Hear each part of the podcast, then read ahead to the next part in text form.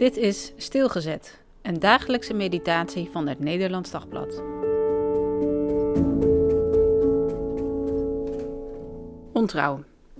2 Samuel 3, vers 8. Abner werd woedend over de woorden van Isboset en viel uit: Wat? Ben ik soms een hondsvot uit Juda? Het verwijt van koning Isboset raakt Abner diep, want Isboset twijfelt aan zijn trouw.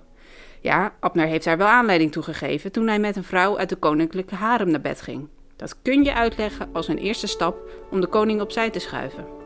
Maar hoor eens, hij is Abner. Hij is niet zo'n hondsvot uit Juda. Hier proef je hoe Abner over David dacht.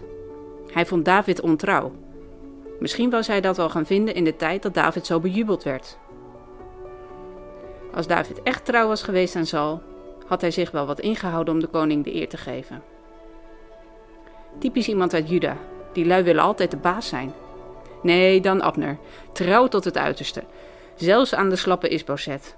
Maar wat een ergernis als die trouw niet gewaardeerd wordt.